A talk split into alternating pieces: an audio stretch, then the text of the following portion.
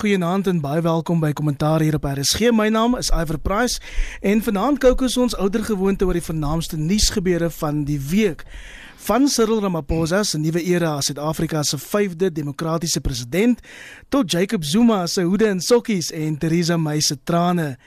Die paneel wat ons vanaand gaan help om van dit alles sin te maak is die oud koerantman Harold Pakendorf hier by my in die Auckland Park ateljee. Goeienaand Harold. Goeienaand baie. En dan sukkel ons hier by RSG met die telefoonlyne vanaand. Een wessels help my om van die gaste op die lyn te probeer kry. Ehm um, ons ander saampraters vanaand op die foon sal dan wees die bekende joernalis en politieke kommentator Viriel Haffage en dan ook die direkteur van die Instituut vir Toekomsnavorsing Dr. Monay Mostert. Harold, kom ons sit so lankie gesprek aan die gang en ons begin by gister se inhuldiging van president Ramaphosa wat baie beskryf as 'n keerpunt in Suid-Afrika se geskiedenis. Die nasie sit nou omtrent in afwagting afwagting om te hoor wie op sy kabinet gaan dien, maar Ramaphosa het laat vanmiddag aangedui dat dit eers later hierdie week sal gebeur. Wat is jou algemene indrukke oor Ramaphosa se toespraak gister? Kyk ek uh, ek was uh, baie verlig toe hy gepraat het. Uh dis iemand vir wie jy glad nie skaam te wees soos met die vorige president nê. Jy het geweet ek gaan nie guggel op onmoontlike tye nie. Dit is ook opmerklik dat nie vir hom nodig was om elke woord af te lees nie. Hy het vir die mense gekyk. Hy het vrylik gepraat, uit uit uitstekend gepraat. Natuurlik in algemeen here, daar was geen dis nie 'n beleidstoespraak gewees nie. Dit was meer ehm um, sien setter as ek nou sommer die Engelse woord kan gebruik. En ek dink hy hy het dit uitstekend gedink. Die hele ding het goed afgeloop. Ek was beïndruk ook daarmee dat hy gepraat het om die minuut wat hy gesê het hy sal begin praat.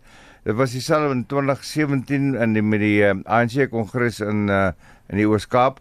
Het daarop aangedink dat hulle betyds begin en dit is al op sigself 'n goeie teken want die oud president het mos maar maklik sommer 2 ure laat aangekom en en, en mense het dit maar net aanvaar. So vir my was dit ek ek was baie gerus gestel.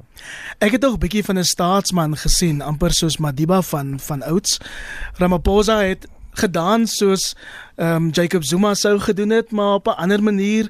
Hy was ook bietjie van 'n intellektueel, maar selfs op 'n ander manier as as Thabo Mbeki.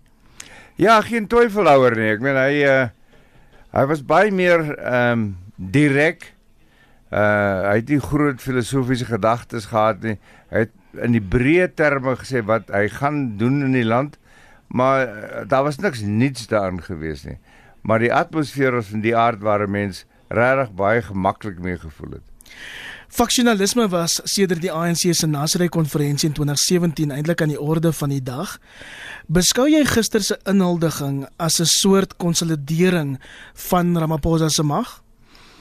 Ek dink dit het voor die tyd begin beide die die die die die die verskille binne die party. Daar was altyd verskille in die ANC, moenie enige twyfel hê daaroor nie. Dit het nou net baie duideliker na vore gekom in die afgelope tyd en en op twee vlakke is daar twee is daar twee um, verskille. Een gaan as jy wil ideologies, een wat groter staatsingryping wil hê en die ander een wat minder staatsingryping wil hê. En daarmee saam loop dan die ander ene en dit is ehm um, die mense wat hulle vergryp het aan jou en my geld en, en die wat daar teen was. Dis die ander twee kampe en hulle val nogal taamlik oor mekaar. So dit kom van ver af. En wat ons nou sien is dat die mense wat vergryp het, is dalk bang hulle word gegryp.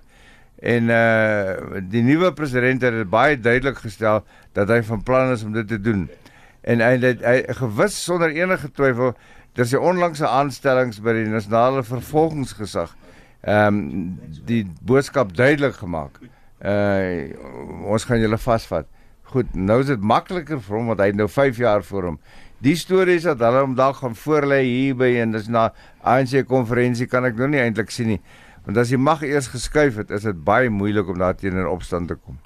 As jy nou eers by ons ingeskakel het, dis kommentaar op RSG en my gas hier by my in die Auckland Park ateljee is die bekende oud koerantman Harold Pakendorf, ook 'n politieke kommentator. Ons sukkel vanaand met die telefoonlyne, maar een wessels en 'n tegniese span is hier in die agtergrond doenig om 'n paar hase uit die hoed te probeer ruk en ons hoop dan dat Firiel Haffage sowel as Dr. Monay Mostert ook vanaand by ons sal aansluit op die paneel. Ons gaan voort Harold, Ramaphosa se inhuldiging gaan uiteindelik oor soveel meer as net 'n oorwinning vir die ANC. Gister was nie oor die ANC nie. Dit was oor die nasie, die res van van Suid-Afrika en dit bevat ook sy bepaalde visie vir die regering in die land. Hoe het jy dit gelees? Kyk, hy het baie duidelik gemaak um, net na die verkiesing en dat hy die president van Suid-Afrika is en terloops ook president van die ANC.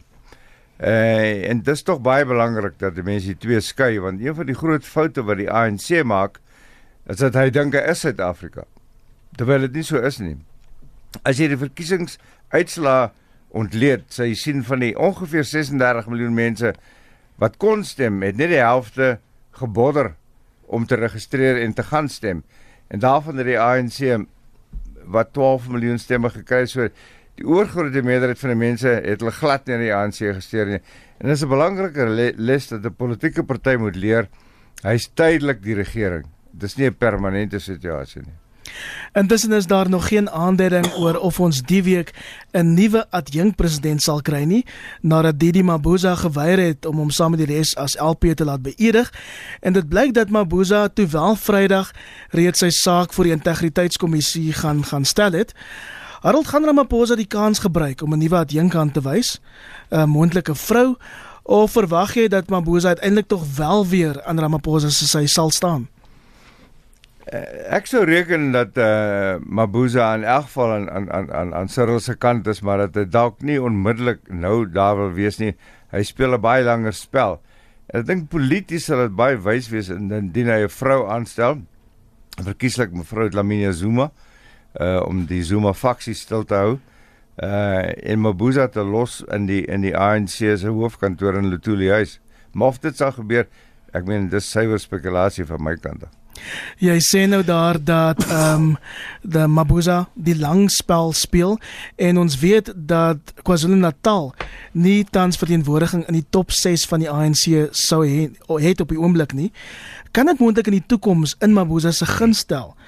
As hy nou sou sê, hoorie, ek staan nou eers terug um, om vir byvoorbeeld Nkosazana Dlamini Zuma plek te maak. Um hopelik dan om die volgende ronde self die president kan wees van hierdie land.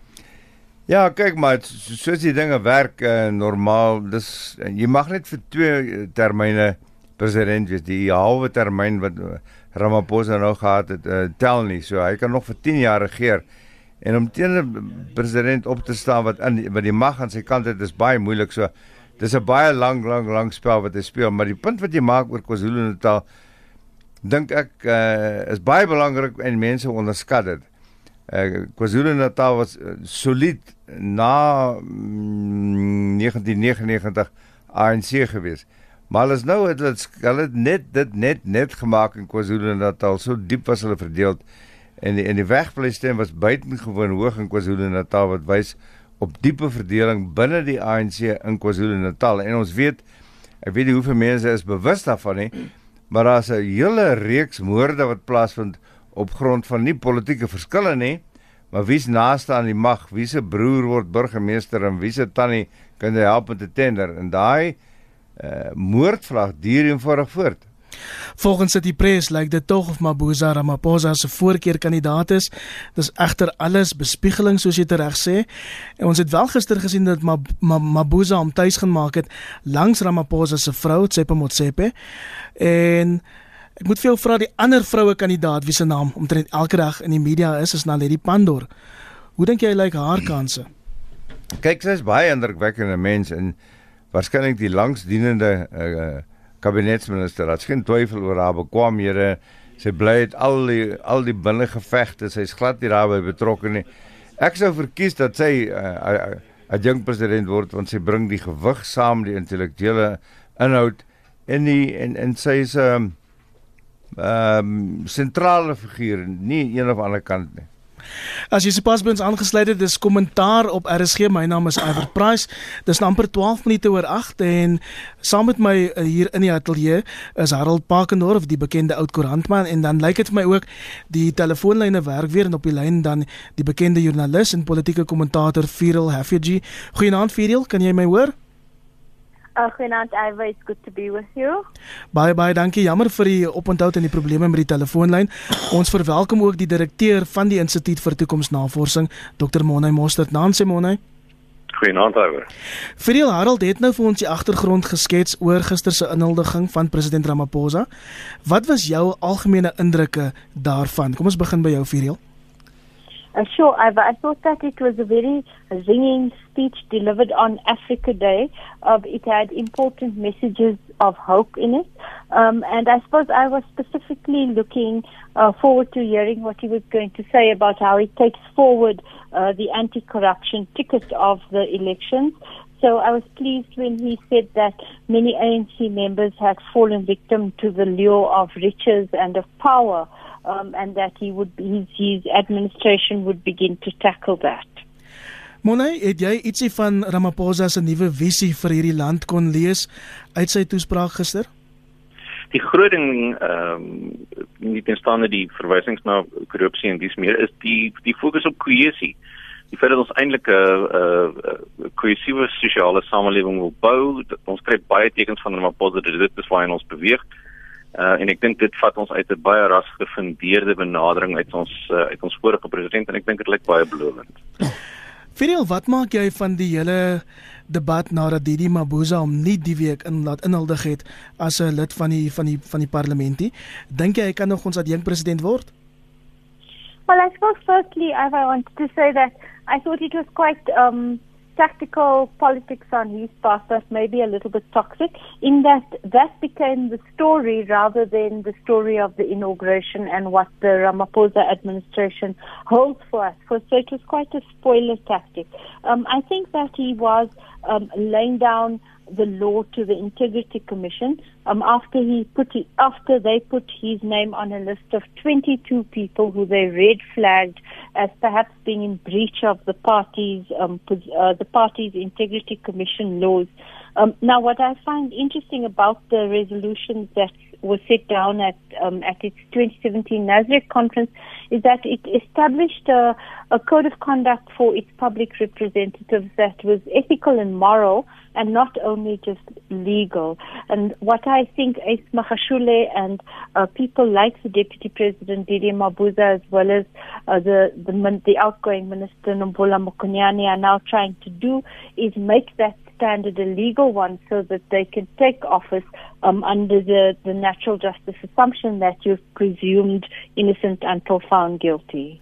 Maar nou by Fidel aan te sluit, ons het dan in die laaste paar dae gesien hoe Baleka Mbete, Malusi Gigaba, sowel as Nomvula Mokonyane hulle van die Ramaphosa regering onttrek het. Ervaar jy dit as 'n teken dat die Zuma-faksie hulle self in Lotuli huis wil konsolideer? Dink daar's 'n ou uitdrukking in die politiek dat een dag is 'n lang tyd in die politiek. Ek dink 'n mens uh, kan vermoed dat agter die skerms is daar baie dinge wat besig is uh, om te gebeur. Maar ek ek kom met veel saamstem ek dink dit is 'n bietjie van 'n magspeling uh, wat plaasvind. Ehm um, met ander woorde dit is amper asof die faksie wil sê ons sal besluit wanneer jy nou ons betrokke raak as ons ons planne uitgesorteer het en ons sal dit nie aan die nuwe man oorlaat nie. So 'n bietjie van 'n magspeling dink ek eerder wat besig is om om plaas te vind en indien van hierdie karakters uh, betrokke sou wees in die toekoms, dink ek mense sou verwag dat hierdie tipe magspelings selfs verder sal uitspeel. Arnold intussen maak dit alles van Ysmagashule 'n baie magtige man, spesifiek as die ANC se hoofadministreerder. Ek sien Houston die voorberig egter dat Ramaphosa se faksie 'n soort teenaanval op Magashule beplan. Moet ons osself gereed maak vir 'n rowwe paar dae, soos een van die koerante vandag gesê het, selfs 'n bloedbad. Ek weet nie van 'n bloedbad nie, maar uh, kyk die mense wat uh, op die lys is waarna Ferrell verwys het, die 22 mense. Uh hulle wil nie graag tronk toe gaan nie. En hulle gaan nie net lê en aanvaar wat hulle gaan gebeur nie. En ek sal verwag dat daar binnengevegte sal toeneem. Maar jy weet, soos ek net nou gesê het, om teen die president van die land op te staan nadat hy die verkiesing gewen het, is baie moeiliker as voor die dag van die verkiesing. En ek kan nie sien dat hulle sal slaag nie. Jy's reg oor die sekretaris-generaal. Ehm um, as jy kan as ek jou kan terugvat na die tyd toe uh, Lenin daar in 22 23 uh, uh, 19 22 23 siek geword het en daar was 'n ernstige binnengevegte oor wie gaan oorneem en Stalin was die sekretaris-generaal en hy het net dit so georganiseer dat hy oorgeneem het. So mense moenie vergeet dat die man wat in die Lutuli huis sit en elke dag met die ANC werk en die ANC regeer ook Suid-Afrika is 'n buitengewoon magtige man en nie iemand wat jy sommer so kan aanvat nie. Fidel, is dit dan moontlik om van Ramaphosa om die ANC president en die staatshoof te wees sonder die ondersteuning van van sy sekretaris-generaal Ysmagashule? Dit dit kan mos nie maklik wees nie. with great difficulty, I suppose. It is a, a very, very powerful position. And what you saw under President Jacob Zuma was that he very much returned authority and power to Lutuli House, the ANC headquarters. So every Monday, if you happen to go uh, downtown to Johannesburg, uh, the place would be entirely closed off by, by traffic officials because the ANC was in town. And that is, to all intents and purposes, where real decisions took place. I think that Cyril Ramaphosa is going to try and move uh, to locate power uh, for the administration back at the union buildings. And personally, as a South African, I really hope he succeeds because our country's been through a decade where I feel like we were held ransom by the factionism um, of the ANC. And if you just look at the political coverage of the last week, we're right back there again. I wonder when this stops happening. Ons is gijslaar gehou deur faksionalisme sê Firiel Effigy daar. Monne het ook in die laaste paar weke gesien dat Magashule verdelende uitsprake maak soos dat die ANC nie wit kiesers se stemme nodig het nie. Hoe voorspel jy gaan dit binne die volgende paar dae uitspeel? Ek dink dat ehm um, die die soort van staatmanskap wat Ramaphosa tentoonstel gaan in die langer in die langer termyn sal definitief die uh, die dag wen. Ons het byvoorbeeld in ons Madrid scenario's so 18 maande gelede gesê dat ons voorspel of vermoed dat faksionalisme een van die groot onderskeidende faktore sal wees in hierdie verkiesing. En dit lyk asof dit wel die geval is maar ek dink Ramaphosa het homself nou bewys as 'n soort van master of the long game. En uh, hy wil wel ek dink mense wil graag glo dat hy uh hy het 'n autentieke behoefte om 'n om 'n samehorige samelewing te bou. En ek dink hy gaan homself nie laat in die in die soort van uh trap laat val van hierdie faksionalisme. So ek dink op die ou end sal sy integriteit die dag vind. Ek skat van die foutlyne sal duidelik sig duideliker sigbaar wees sodra Ramaphosa sy kabinet aangekondig het. Dit lyk intussen of die openbare beskermer advokaat Bosisiwe Mqobani deel is van die anti-Ramaphosa kamp, veral na jongste bevindinge oor Pravin Gordhan. Fidel, is dit bloot toevallig dat die openbare beskermer se uh, baie omstrede verslag toe Vrydag uitgereik is, enkele dae voordat Ramaphosa se nuwe kabinet ehm um, gaan aangekondig word? Absolutely. Um if you look at the correspondence that was going between um her and the Minister of Public Enterprise Pravin Gordhan's office, it was right up to last week. So I do think that she was um acting on behalf of her handlers because to be honest I I do think she she has factional handlers Um, and that was very much meant again as another uh, spoiler tactic. Um, if my own view is that the, um, the public protector often um, acts on complaints by the EFF. There's a couple that are less well known, uh, where you'll see that the very clear hand of that party is directing her.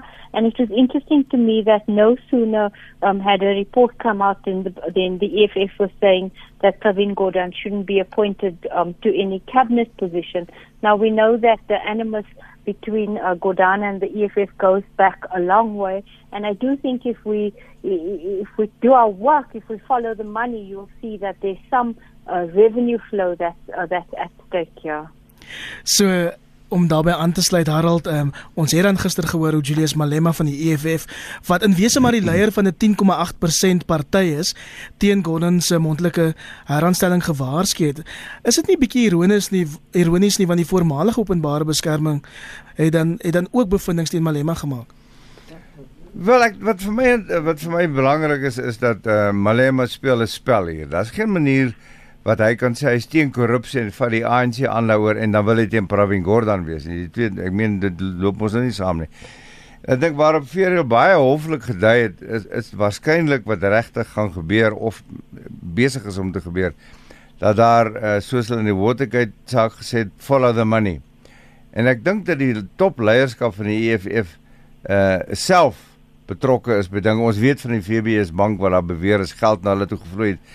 Maar daar was blykbaar ander sake ook nog en ek ek vermoed dat ons weer 'n keer 'n saak sal sien waar meneer Malema se belastingbesonderhede uh, onder die loep geneem sal word.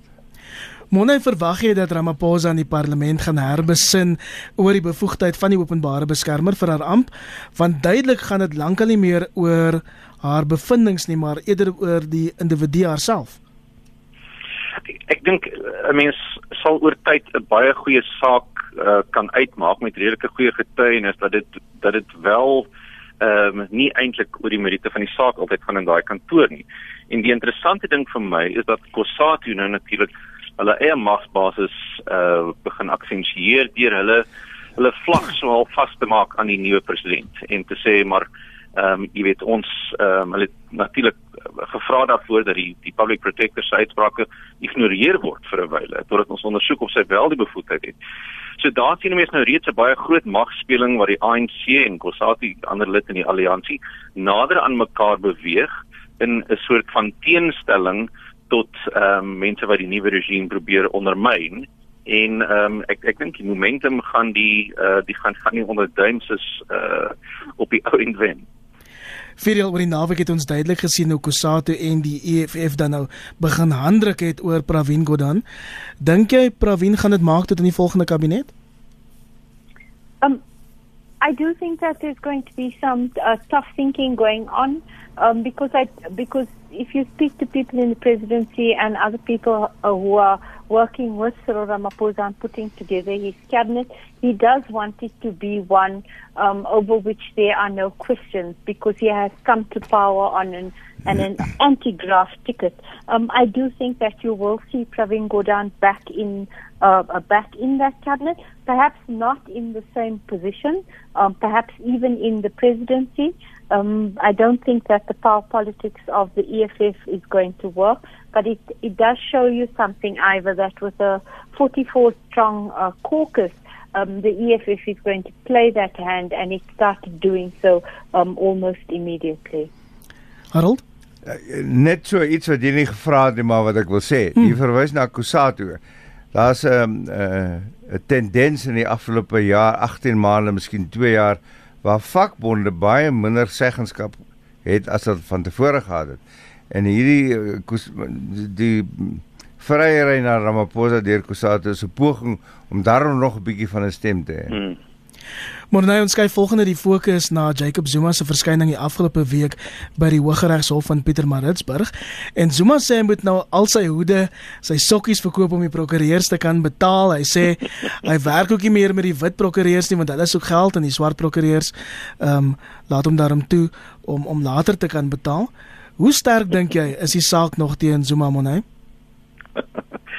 Ek dink die die een ding wat ons geleer het uh, oor Suid-Afrika in die laaste uh, 10 jaar is dat uh die justisie uh is eintlik heeltemal bo verdenking.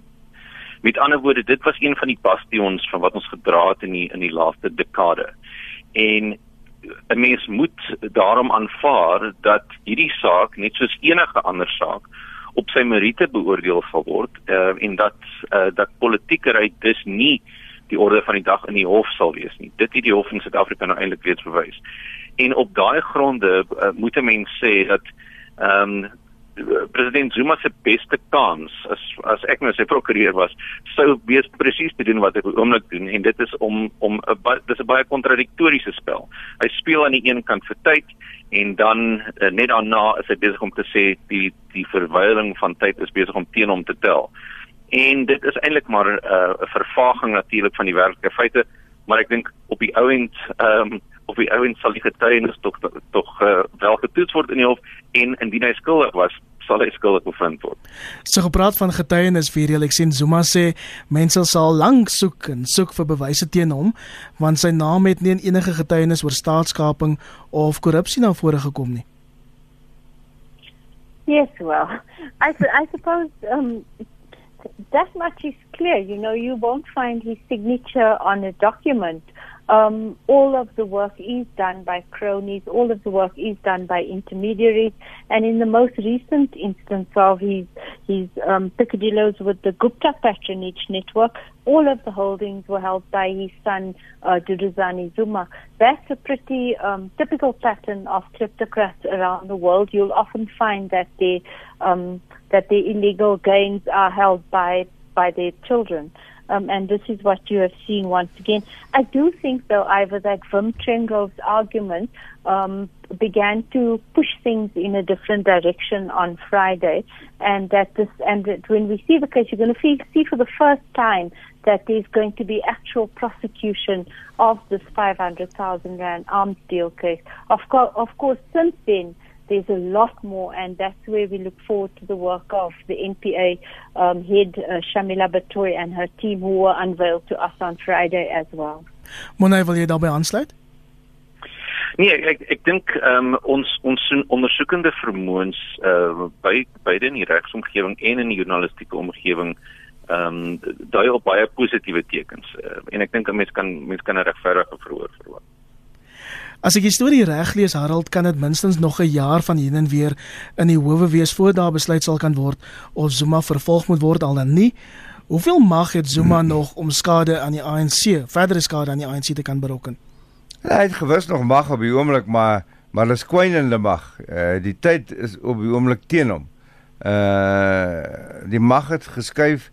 Uh mense besef nou uh, dat hy nie veel vir hulle kan doen nie toe hy iets vir hulle kon gedoen het, het baie mense hom ondersteun, maar nou het hy daai mag verloor en uh, ek dink daarmee sy mag ook. Hy het natuurlik 'n uh, as emosionele steun ensovoorts, maar mag wat te doen het met geld en wat kan ek vir jou doen?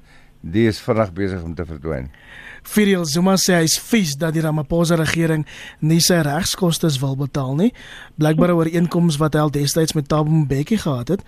Maar was dit in die hof self wat beveel het dat Zuma sy eie kostes moet betaal nie?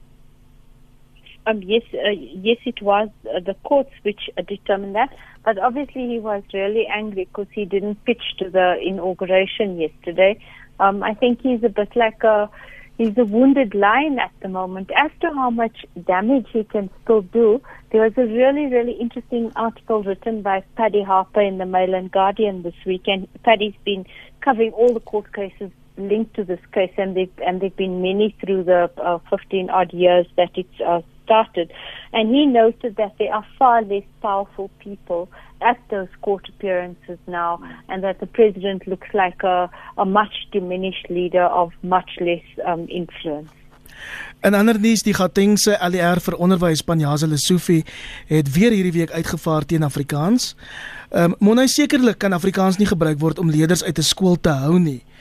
Maar behoort Lesofie nie eerder sy aandag te fokus op die opheffing, die uitbou van ander inheemse tale nie?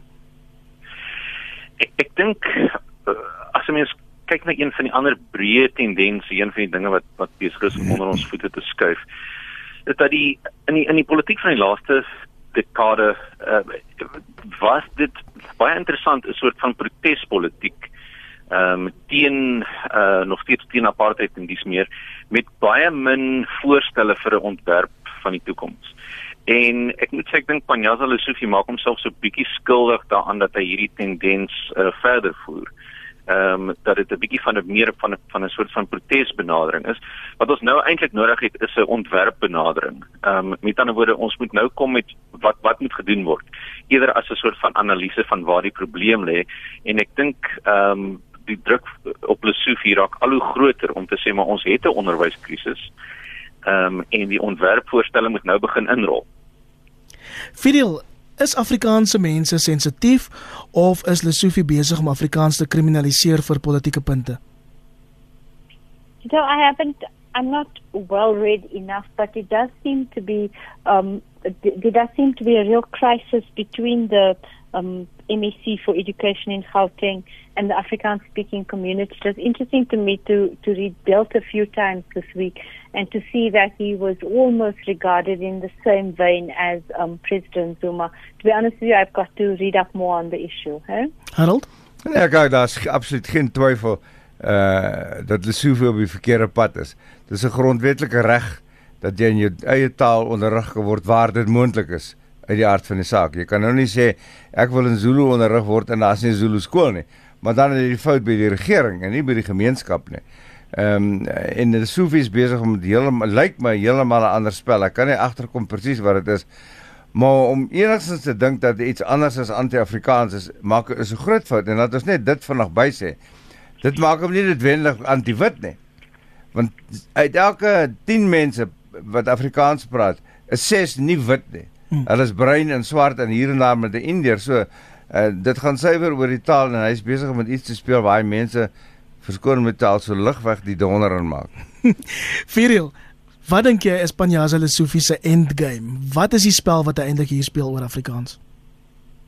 I think his end game is to become the, the Minister of Education. So this is an, an MEC who is uh, who is in the media here um, at least ten times a week, and I think the it's a populist tactic in order to build his own profile, in order to be noticed, and perhaps to be put in cabinet quite soon. Because one of the things that President Zuma, President Ramaphosa, excuse me, is very, very uh, clear that he's going to do is bring young talent into that cabinet. So I don't think he'll be in there right away, um, but I do think he's positioning for the future. Want ek het al 'n jaar gelede voorspel dat ehm um, Lesofie om gereed maak om die minister van onderwys in hierdie land te word. Hoe dink jy om by vier aan te sluit lyk Lesofie se kanse om in Ramaphosa se kabinet te kan dien? Na my mening, as my lees van Ramaphosa se fokus uh, op kohesie uh, korrek is, dan dink ek uh, op die oomblik um, is Lesofie eintlik besig om sy eie kanse te ondermyn met sy benadering. Ek dink Ramaphosa is op soek na voorstelle en oplossings en werkbare planne en Lesofie is lig in daai gebied. Ramaphosa het laatmiddag gesê hy is vasbeslote dat sy kabinet oor die nodige vaardighede moet beskik en ook verteenwoordigend moet wees en 'n mens kan, kan natuurlik vra wat presies verteenwoordigend bedoel. Voorens groet maak as 'n draai in die buiteland en alles dui daarop dat Theresa May se bedanking as die Britse premier net die Brexit krisis sal verdiep. May het Vrydag tydens die aankondiging van haar bedanking trane gesluk nadat sy nie daarin kon slaag om Brexit te bewerkstellig nie. Harold, dink jy aanvaarbare skeiding van Brittanje met die res van die Europese Unie is nog op die kaarte? Kyk, die Europese Unie se standpunt is baie duidelik. Ons het klaar gepraat, ons het 'n ooreenkoms, wat meer wil julle hê? So hierdie is 'n binne Engelse politiek 'n 'n probleem. Maar maar ons as Suid-Afrikaners moenie maak of dit net 'n Engelse probleem. Dit raak ons werklik en dit kan 'n kan 'n negatiewe effek op ons ekonomie hê. As ons nie duidelike planne voor die tyd het oor wat ons gaan maak ehm um, handelsooreenkomste moet vooraf presies uitspel wat gaan gebeur en ons weet nie presies wat die Engelse wanneer hulle gaan loop en op watter voorwaardes nie. As dit 'n 'n slegte breek is, dan is dit vir ons ook sleg. Vir die pad vorentoe vir Brittanje hang sekerlik af van wie my gaan opvolg. Wie is die sterkste kandidaat op hierdie stadium? Is dit Boris Johnson? It, it looks like it definitely is um Boris Johnson. Um, it's interesting that um, Theresa May was here last year to um, to show up a bilateral um, agreement as well as relationships. Just at home, I'm watching how the Chinese are rapidly uh, moving into trade places that had been occupied by the West, and I guess with with a Britain that's that's so domestically uh, focused at the moment, I think you're going to see even more of that happening. Monay Boris Johnson het gister weer gesê Brittanje sal die EU op 31 Oktober verlaat met of sonder ooreenkoms. Dink jy die EU sal toegee en dalk weer die deur vir die onderhandelinge oopmaak? Want ons moet nou onthou dis nou onderhandelinge wat reeds 3 keer deur die Britse parlement verwerp is. Ja, ek ek vermoed die die beste scenario uh uh, vir die uh, Britse bestel is 'n uh, 'n verdere memorandum, 'n uh, verdere referendum. Of hulle dit sou kon regkry, of dit dit is 'n ander vraag.